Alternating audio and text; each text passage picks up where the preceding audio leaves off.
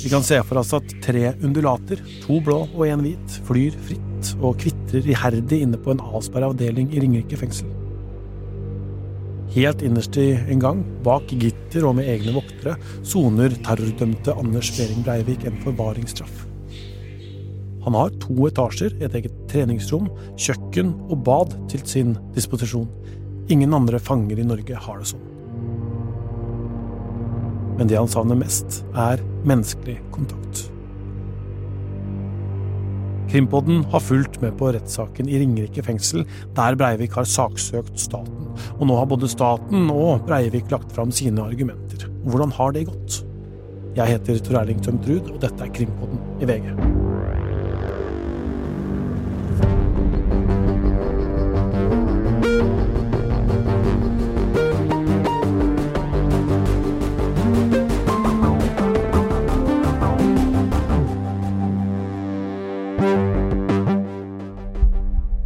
Ja, det har jo skjedd eh, mye eh, i den uka som vi har lagt eh, bak oss. Det har vært flere rettssaker, blant annet denne, da, med Breivik som har saksøkt staten.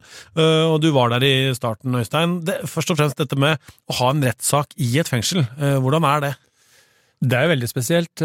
Nå var ikke jeg i fengselet sist Breivik hadde en forhandling, rettsforhandling i, i, i bak murene, men denne gangen så var jeg på plass på Ringerike. Uh, og det er klart at uh, det er jo veldig spesielle rammer. Du uh, må jo inn i fengselet. så vi hadde, var jo, Men det var veldig godt tilrettelagt, bare skal understreke det. Det var veldig smooth, for man kunne jo tenke at dette skulle bli litt vanskelig. Og det er jo et fengsel med mye sikkerhet. Masse journalister med mobiltelefoner, kameraer og PC-er og alt som skulle inn der. Men, men, det fløyt veldig fint. Vi blei tilvist en parkeringsplass og inn i sikkerhetskontrollen. Hadde ikke lov å ha med mat og drikke. Eh, men vi hadde med oss arbeidsverktøy, altså mobiler og telefoner, eh, nei, PC-er og, og, kameraer og mikrofoner osv. Og, så og så ble vi geleida eh, fram til da det bygget hvor gymsalen ligger, og så hadde fengsels... eh, satt opp en, ja, en slags kafeteria, en brakkerigg utafor, hvor vi kunne få mat og drikke, og det var da inne i gymsalen det pågikk. og det eh, ville jo vært litt spesielt uansett, fordi at uh, der henger jo basketballkurven og ribbeveggen er der og videre, i, i rettssalen. Men så hadde man jo da hengt opp et eh, svært teppe og fått opp løven som hang bak dobbelen og så videre, og satt opp selvfølgelig bord og stoler til de som var parter. og i tillegg arbeidsplasser til oss og tilhørere. så det var veldig gode arbeidsforhold eh, når vi ser bort fra at det er det at det er bak noen murer inne i et fengsel.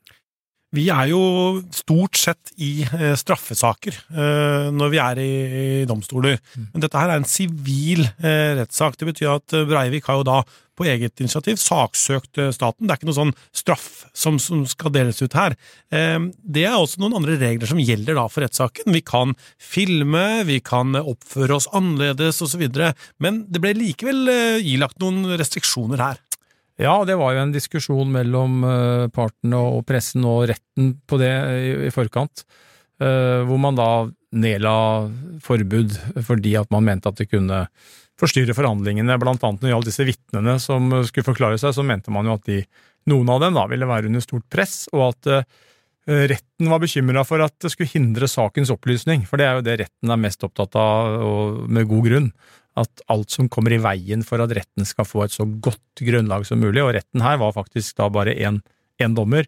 Um, det, men, men, men, det vil man måtte ha, veie tungt, og det var jo noe av begrunnelsen, da. Og, men vi fikk jo lov å, å filme noe, uh, og så ble jo denne saken, eller blir denne saken, uh, dekka veldig bredt. Uh, så, så, det kommer jo Det er jo ingen fare med at ikke, ikke det blir kommunisert hva som skjer, og hva som er problemstillingen her.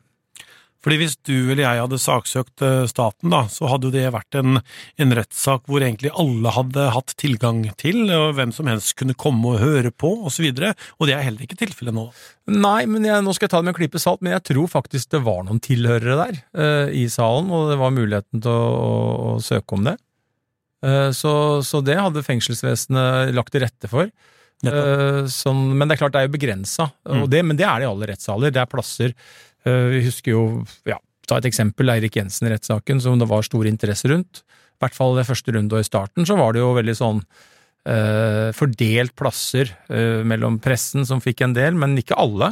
Man holdt igjen plasser til eh, allmuen, og det er et sånt viktig prinsipp i, i rettssaker at eh, som du sier, prinsippet skal alle kunne høre på, og derfor så kunne man også tenke seg at hvorfor kan man ikke da filme? I prinsippet så kan hele Norge komme og høre på, så er jo ikke det praktisk mulig. Og da kunne man tenke seg at det var en tillempning at man eh, overførte det i stedet, men der får man jo det får man jo stort sett ikke gjøre da. Men det er som sagt avsatt plasser til, til folk flest, og det var det også i fengselet. Ja, for det er kanskje ikke alle som veit at eh, alle rettssaker er i utgangspunktet åpne. Eh, alle straffesaker osv. Da kan du møte opp i rettslokalene og, og gå inn i, i rettssalen. Ja, det er jo en kjent uh, sak at her i Oslo, uh, blant annet, i tingretten her, så er det jo privatpersoner som har uh, gått rundt i rettssaker og hatt det som en Det er flere vi kjenner igjen fra sak til sak. Ja, har det som en interesse, da. Mm. Å følge med på saker, og gå rundt der og følge med på berammingslistene. ser seg ut interessante saker, enten det er medieprofilerte saker, eller om det er saker med interessante problemstillinger, eller hva det måtte være, så har jo flere, flere ganger skjedd at, at det finnes de som på en måte er sånn henger rundt i rettssalen. Vi har sett Breivik i mange eh, rettssaler eh, før, eh, og, men denne gangen så var det et par ting som skilte seg ut. og Det, det ene var at han ikke hadde noe opplegg med noen sånn hilsen eller noe sånt budskap som han hadde forberedt på forhånd her. Nei, det var vi jo spent på. Vi er jo vant til at terroristen Anders Behring Breivik kan være uforutsigbare i rettssalen, og det har vært hilsener, det har vært budskap og lapper og det ene med det andre, og derfor så var vi jo veldig på alerten, og sånn internt så diskuterte vi jo blant annet dette med overføring av bilder på det tidspunktet, om vi skulle ligge på direkte, eller om vi skulle ligge på et stort bilde og likevel se han, eller om vi skulle vente, og vi valgte jo da å vente. Det er jo en krevende øvelse å komme inn i Ringerike fengsel og på en måte se Behring Breivik, en terrorist som, som har stått bak så fæle ting. Det, det er klart at det er, det er, det er krevende, men samtidig så, så, er det jo viktig at han har de rettighetene. Vi må jo anerkjenne det. Han skal ha de rettighetene, han som alle andre. Det er jo rettsstaten på sitt beste, selv om det er opprørende for mange, da. Mm. Så, så, er det jo viktig det, og nå får han prøvd da nok en gang soningsforholdene, og så skal han jo også ha vel en begjæring om prøveløslatelse som kommer opp i juni, så det er ikke lenge før han dukker opp igjen. Han har jo saksøkt staten for brudd på menneskerettighetene, fordi han mener at soningsforholdene han er under, er for fæle. Da. Han har jo mange rom og sånt til disposisjon som vi har snakka om, men, men han har altså ikke noe særlig menneskelig kontakt, og det er jo det han har reagert aller mest på. Og det andre som skilte seg jo ut uh, i denne runden, var jo at han uh, Jeg har aldri hørt eller sett ham gråte så mye. Nei, for det første så har han en del menneskelig kontakt, men han har menneskelig kontakt med det som kan kalles profesjonelle aktører. Det er jo anførselen til, til Øystein Storvik, advokaten hans, blant annet, at, at det er for lite vanlig mellommenneskelig kontakt. Men ja, nei, og den gråtinga ble jo et tema. Mm.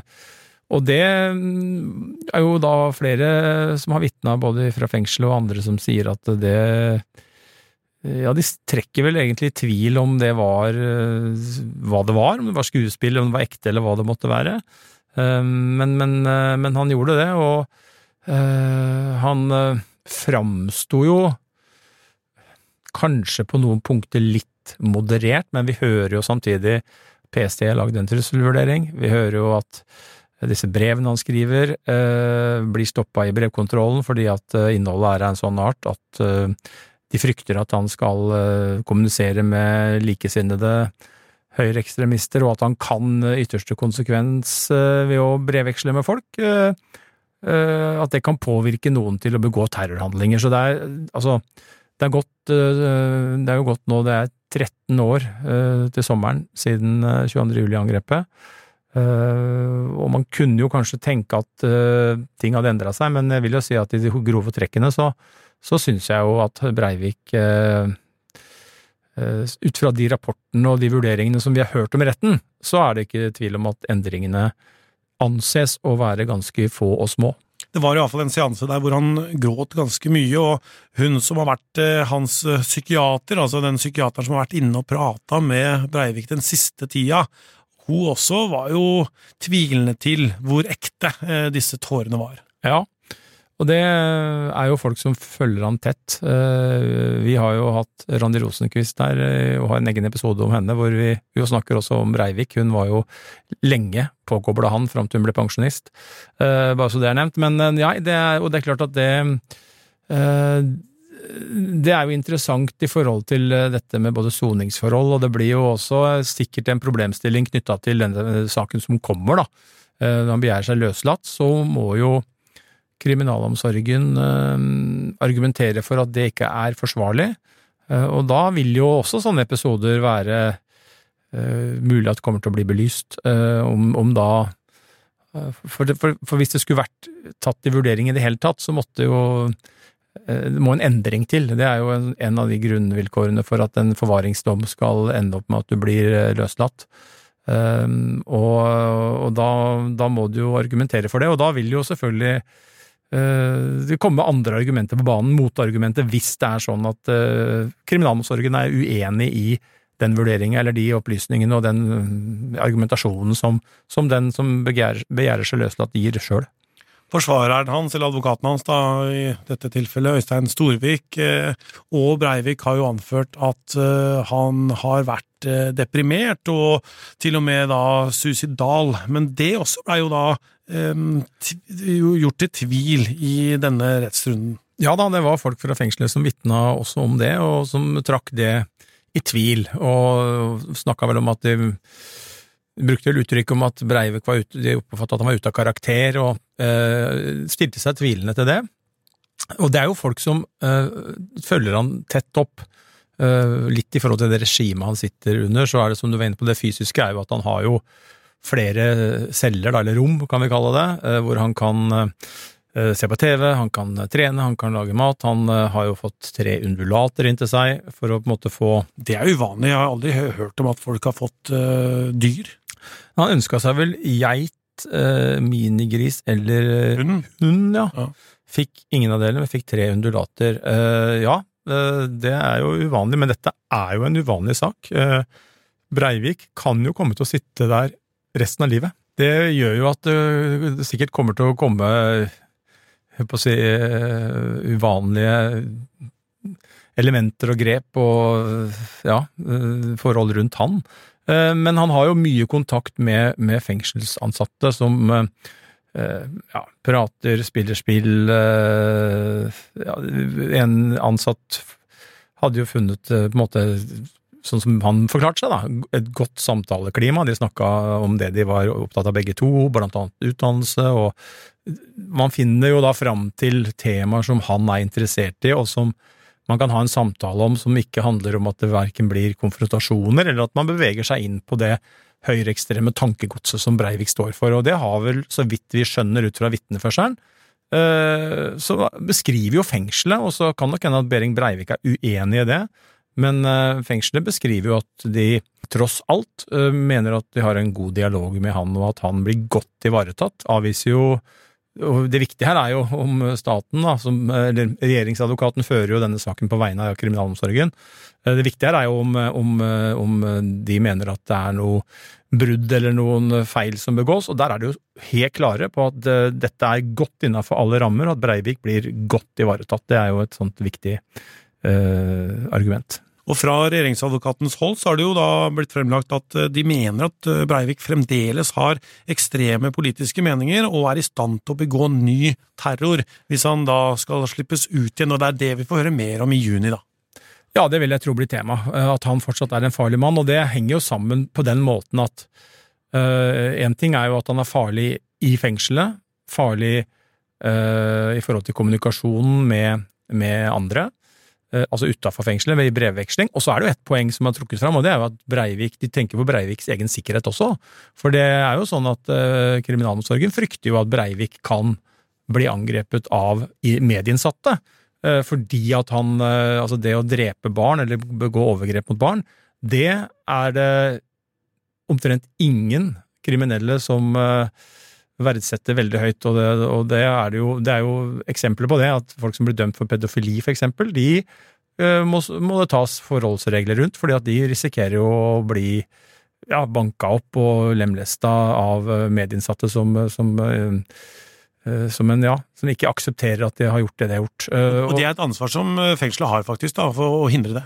Det er klart det. Breivik kan jo ikke gå noe sted, han kan ikke rømme noe sted. Han sitter jo innelåst, og da er det jo helt opplagt at det er et stort ansvar som ligger på fengselet i å ivareta hans sikkerhet, faktisk, også. Men i forhold til det du var innom, Tor Erling, at det henger sammen da dette med mm, løslatelse, krav om det i juni, og at han nå sitter på tung soning, så henger jo det sammen, fordi at man kan jo på en måte si at det å løslates er jo et Eh, enda mer ytterliggående eh, et, et, grep enn å få løsna på soningsforholdene.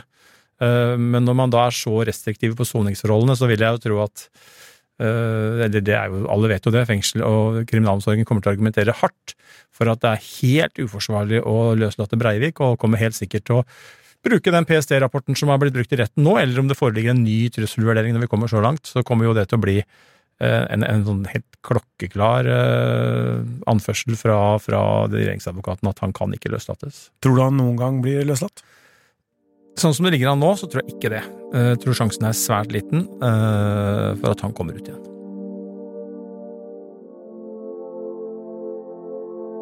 Saken med Anders Behring Breivik er unik, for det finnes ingen andre som har begått så alvorlige forbrytelser som han i Norge nå. Og det er ingen som soner sånn som han gjør.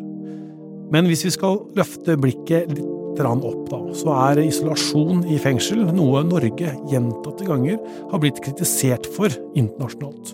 For hva er egentlig isolasjon, og hvorfor bruker vi det i fengsel?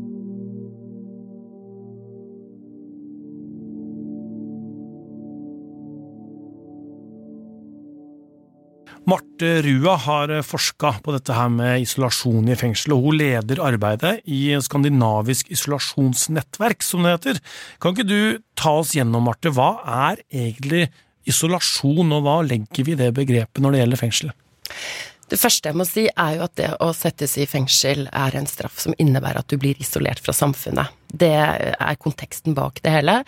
Eh, du er ikke Livet går videre eh, utafor uten deg, og mens du sitter der, så har du veldig begrensa tilgang på kontakt med familie, venner, kollegaer, nærmiljøet ditt, men også til liksom offentlig debatt, nyheter, også, og prosesser som også gjelder deg sjøl når du sitter i fengsel. Uh, og, og du, er ikke, du, er ikke, en del av det. Så, og det er, det er, eh, straffen. Det er straffen, ja. Uh, men så har vi jo i tillegg isolasjon inne i fengselet, som vi ofte kaller for et fengsel i fengselet. Ehm, det er eh, Isolasjon foregår på ulike måter under ulike regimer og har ulike årsaker eller gis ulike begrunnelser, men felles for alle er at eh, man låses inne på eh, ei celle store deler av døgnet uten tilgang på sosial, meningsfull kontakt med andre. Og det er jo det med sosial meningsfull kontakt, graden av det, eller tilgangen på det, som definerer om det er isolasjon eller ikke. Så du kan ha tilgang på TV, eller du kan, hvis du sitter i en vanlig celle, som er det vanligste, så har du ikke sant, en seng, et, eh, en pult, et skap, eh, som oftest et bad. Eh, men det er der du er. Det er et rom på mellom 6, 7, 8, 9 kvadrat, eh, og der tilbringer du tida eh, aleine. Greia er da altså at du ikke kan snakke med eller ha kontakt med andre folk, personer, medfanger, mennesker altså. Eh, hvorfor blir man Hvorfor gjør man det?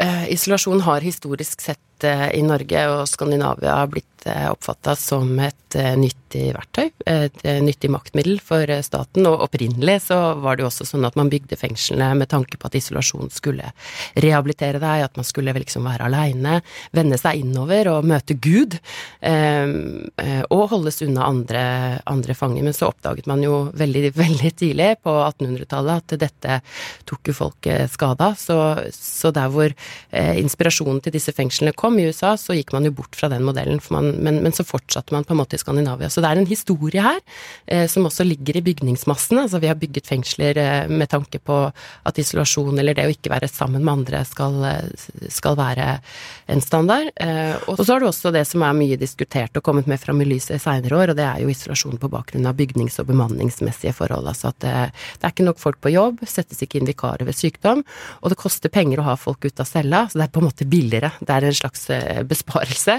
å låse folk inn, rett og slett, for da er det dørene eh, helt sånn mekanisk som sørger for eh, sikkerheten, og ikke folk eh, på jobb. Um, og det er jo en pågående debatt ikke sant, i kriminalomsorgen og fengsler, ikke sant, hvor mange fengselsbetjenter det er, og ja. osv. Men du nevnte at Jeg må bare si en ting til, for ja. hvis ikke så blir jeg arrestert av folk som, eh, som, som vet litt om det. Og det er at det er også et økende problem at folk isolerer seg såkalt etter eget ønske, da. Eh, eller frivillig isolasjon kalles det, og det er et problem at det kalles det, fordi da er det folk som eh, av ulike grunner ofte føler, føler det utrygt, eh, eller at de de av andre grunner eh, vil holde seg unna eh, kontakt med andre. Eh, og det er et problem fordi at da har man på en måte tenkt at greit, da får de bare sitte der. Og det er ikke bra for dem heller. Og det kan jo ligge årsaker til, til sånne type eh, situasjoner som man helst burde ha gjort noe med, ikke sant. Mm. Hva kan skje da, hvis man uh, sitter isolert dag ut og dag inn med bare noe par timer lufting om dagen? Uten kontakt med andre mennesker? Ja, det er dette som vi nå veit enda mer om enn før. Det er beskrivelser av eh, hva som kan skje. Så risikoen er like gammel som isolasjonen selv. Eh, men eh, vi får jo Det er risiko for Altså, man får reaksjoner. Og jeg kan si litt om hvorfor de reaksjonene kommer etterpå, men det handler jo om følelsesmessige reaksjoner. Altså at man blir sint eller frustrert eller motløs eller deprimert. Men også kognitivt, altså at man kan begynne å få problemer med å holde følge med tid, konsentrasjon, mister evne til å lese, til å huske, til å snakke til å forklare seg muntlig, til å ta inn informasjon fra andre. Og, og også fysiske symptomer, ikke sant, som er søvnløshet, mageproblemer, rygg, syn. Um, ja, lista er egentlig ganske lang.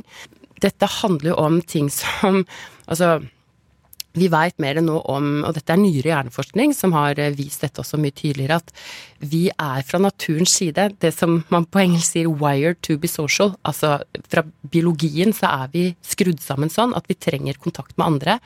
Eh, også på en måte for å vite at vi sjøl fins.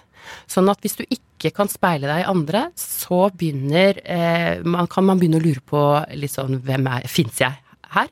Og det samme med stimuli, altså for det er jo veldig mye isolasjon foregår med veldig lite stimuli. Og når hjernen får lite stimuli, så begynner den å lage det sjøl. Og da kommer dette som en del opplever at de begynner å høre stemmer, at man får vrangforestillinger, hallusinasjoner. Og det i seg sjøl er en veldig skremmende opplevelse, hvor, hvor, hvor, hvor, man kan bli veldig redd for å liksom miste seg sjøl. Blir jeg gal nå?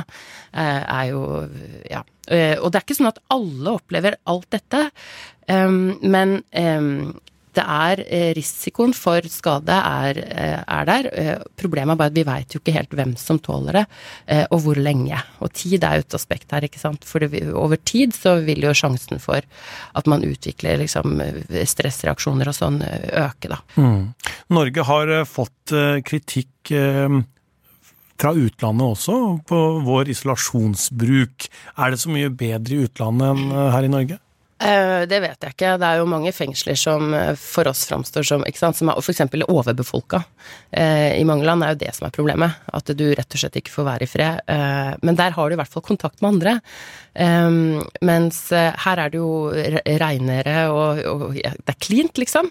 Men det er dette grunnleggende behovet for, for menneskelig kontakt som, som, er problemet med isolasjon, og ikke liksom standarden på cella eller ikke sant, sånne ting. Så er det kritikken går på? Ja, ja. Og, og her er, Norge har fått kritikk siden tidlig på 90-tallet. Det har gått på at vi har brukt det for mye, for ofte, for lenge, med for dårlige begrunnelser, med for dårlig kontroll, med for lite innsyn, dårlig statistikk.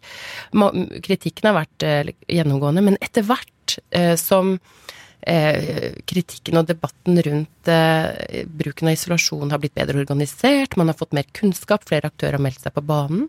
Og ikke minst etter at eh, eh Norge omsider, mange år etter vi skulle og etter andre land i Skandinavia, fikk en sånn torturforebyggende enhet som går inn i fengselet eh, og lager inspeksjoner og, og, lager rapporter som blir offentliggjort så vi kan diskutere dette. Eh, den enheten ligger på Sivilombudet, og, og, og, det har vært også viktig for både for offentligheten og for mulighet for innsyn og diskusjon, men også for kriminalomsorgen til å bli kjent med hva er det vi egentlig er forplikta til? Hva, hva, hva, sier reglene om dette? For det er internasjonale eh, minstestandarder for fangebehandlinger, for fangebehandling, altså minste minimum som de skal ha, eh, og, og, og menneskerettighetene som ligger under dem igjen, da. Nå har ikke du fulgt eh, denne rettssaken som Breivik er i eh, nå, eh, og kan jo ikke på en måte hans sak, men hans sak er jo unik, og det er jo ingen andre fanger i Norge som har de fasilitetene som han har. Mm. Noen mener jo da at det er jo straffen han får, å sitte isolert inne i fengsel. Mm. At det burde han tenkt på før han gjorde de handlingene han gjorde. Ja, så ga vi jo egentlig si om det meste i fengsel, ikke sant, at det skal jo være en straff. Og så er jo spørsmålet som særlig settes på spissen med isolasjon, er jo liksom hvor vondt skal det gjøre, da. Eh, og et grunnleggende prinsipp i norsk kriminalomsorg har jo vært at eh, folk skal ut igjen en dag. Det er en diskusjon med Breivik eh, som er en av mange grunner til at hans sak er veldig spesiell. Ikke sant? Det ene er jo hva vi, hva vi alle veit om hva han har gjort, eh, hva det gjorde med oss. Eh, og ikke minst de som er direkte berørt og ramma. Um, som ikke sant, Vi kan ikke forestille oss uh, hvordan dette oppleves, og rettssaken og alt sånt for dem. Uh, det, og det må vi ha respekt for. Men, uh, men det vanlige skal jo være at man kommer ut igjen en dag, og da er jo spørsmålet liksom hvem, hvem, hvem har vi vært underveis, og, og, hvordan har vi sett på dem, og, og hvem blir de da? Eh, og hvordan når vi skal møtes etterpå, da, i, i samfunnet. Eh, og der er det jo eh, noen etiske, selvfølgelig, saker, men det er også litt sånn dumt å ikke ha tenkt på det. Eh, hvem er det vi slipper ut igjen? Og, når Oslo fengsel f.eks. nå i fjor sa at nå slipper vi ut tikkende bomber fordi vi isolerer så mye her, så er det all grunn til å ta på, ta på, alvor. Men hans sak er jo spesiell av veldig mange grunner, og det er ingen som sitter på et sånt regime som han, han gjør. Så det er på en måte mange grunner til at det er vanskelig å overføre eh, denne saken til liksom det generelle diskusjonen og problemet i norsk kriminalomsorg, for det er ikke der diskusjonen ligger, altså.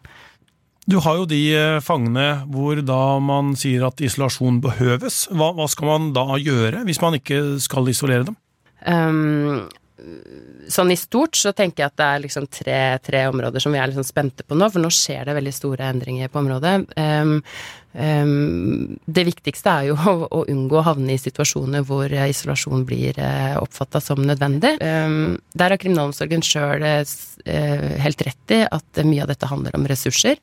Det er bevilga stadig mindre penger til kriminalomsorgen, og det koster å ha folk på jobb for å få disse fangene ut av cellene. Eh, og for å ta vare på dem når det oppstår kriser.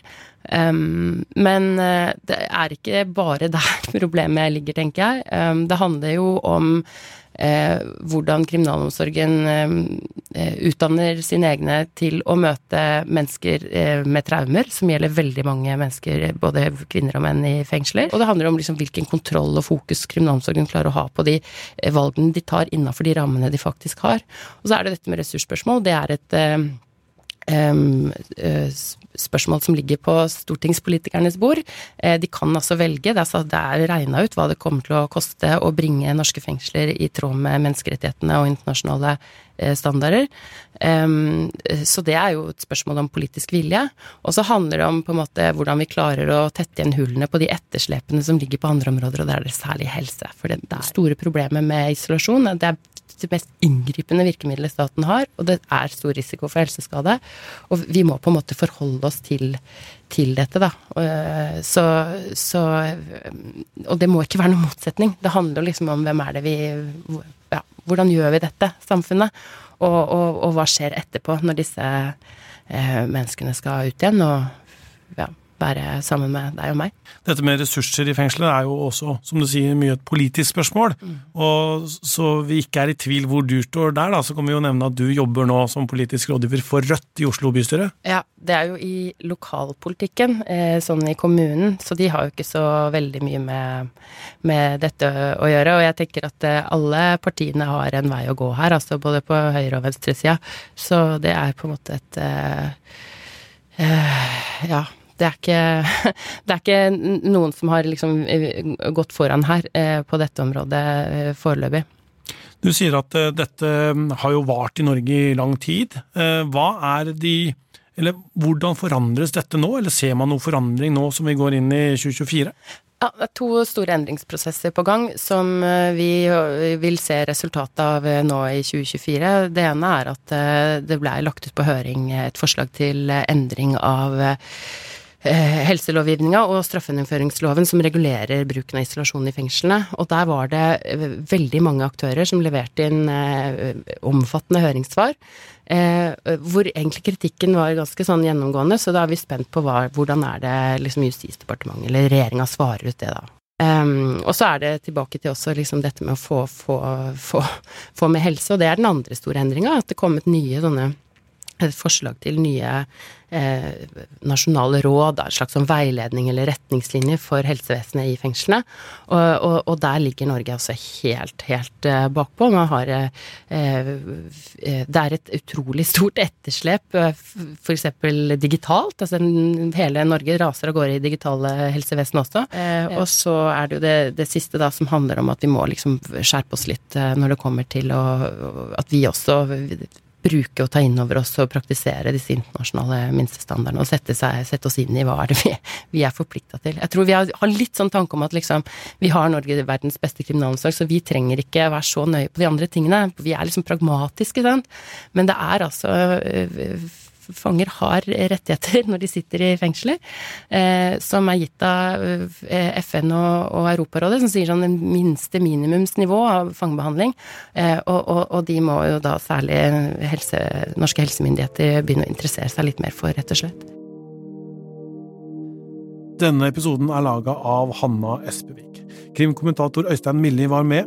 Krimpoddens redaksjon består også av Ruth Einvoll Nilsen, og produsent er Vilde Våren. Nyhetssjef heter Emilie Hall Torp, og jeg heter Tor Erling Tømt Ruud.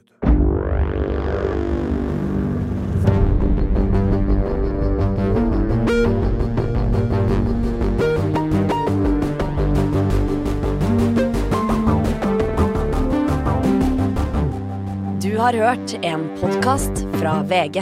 Ansvarlig redaktør, Gard Steiro.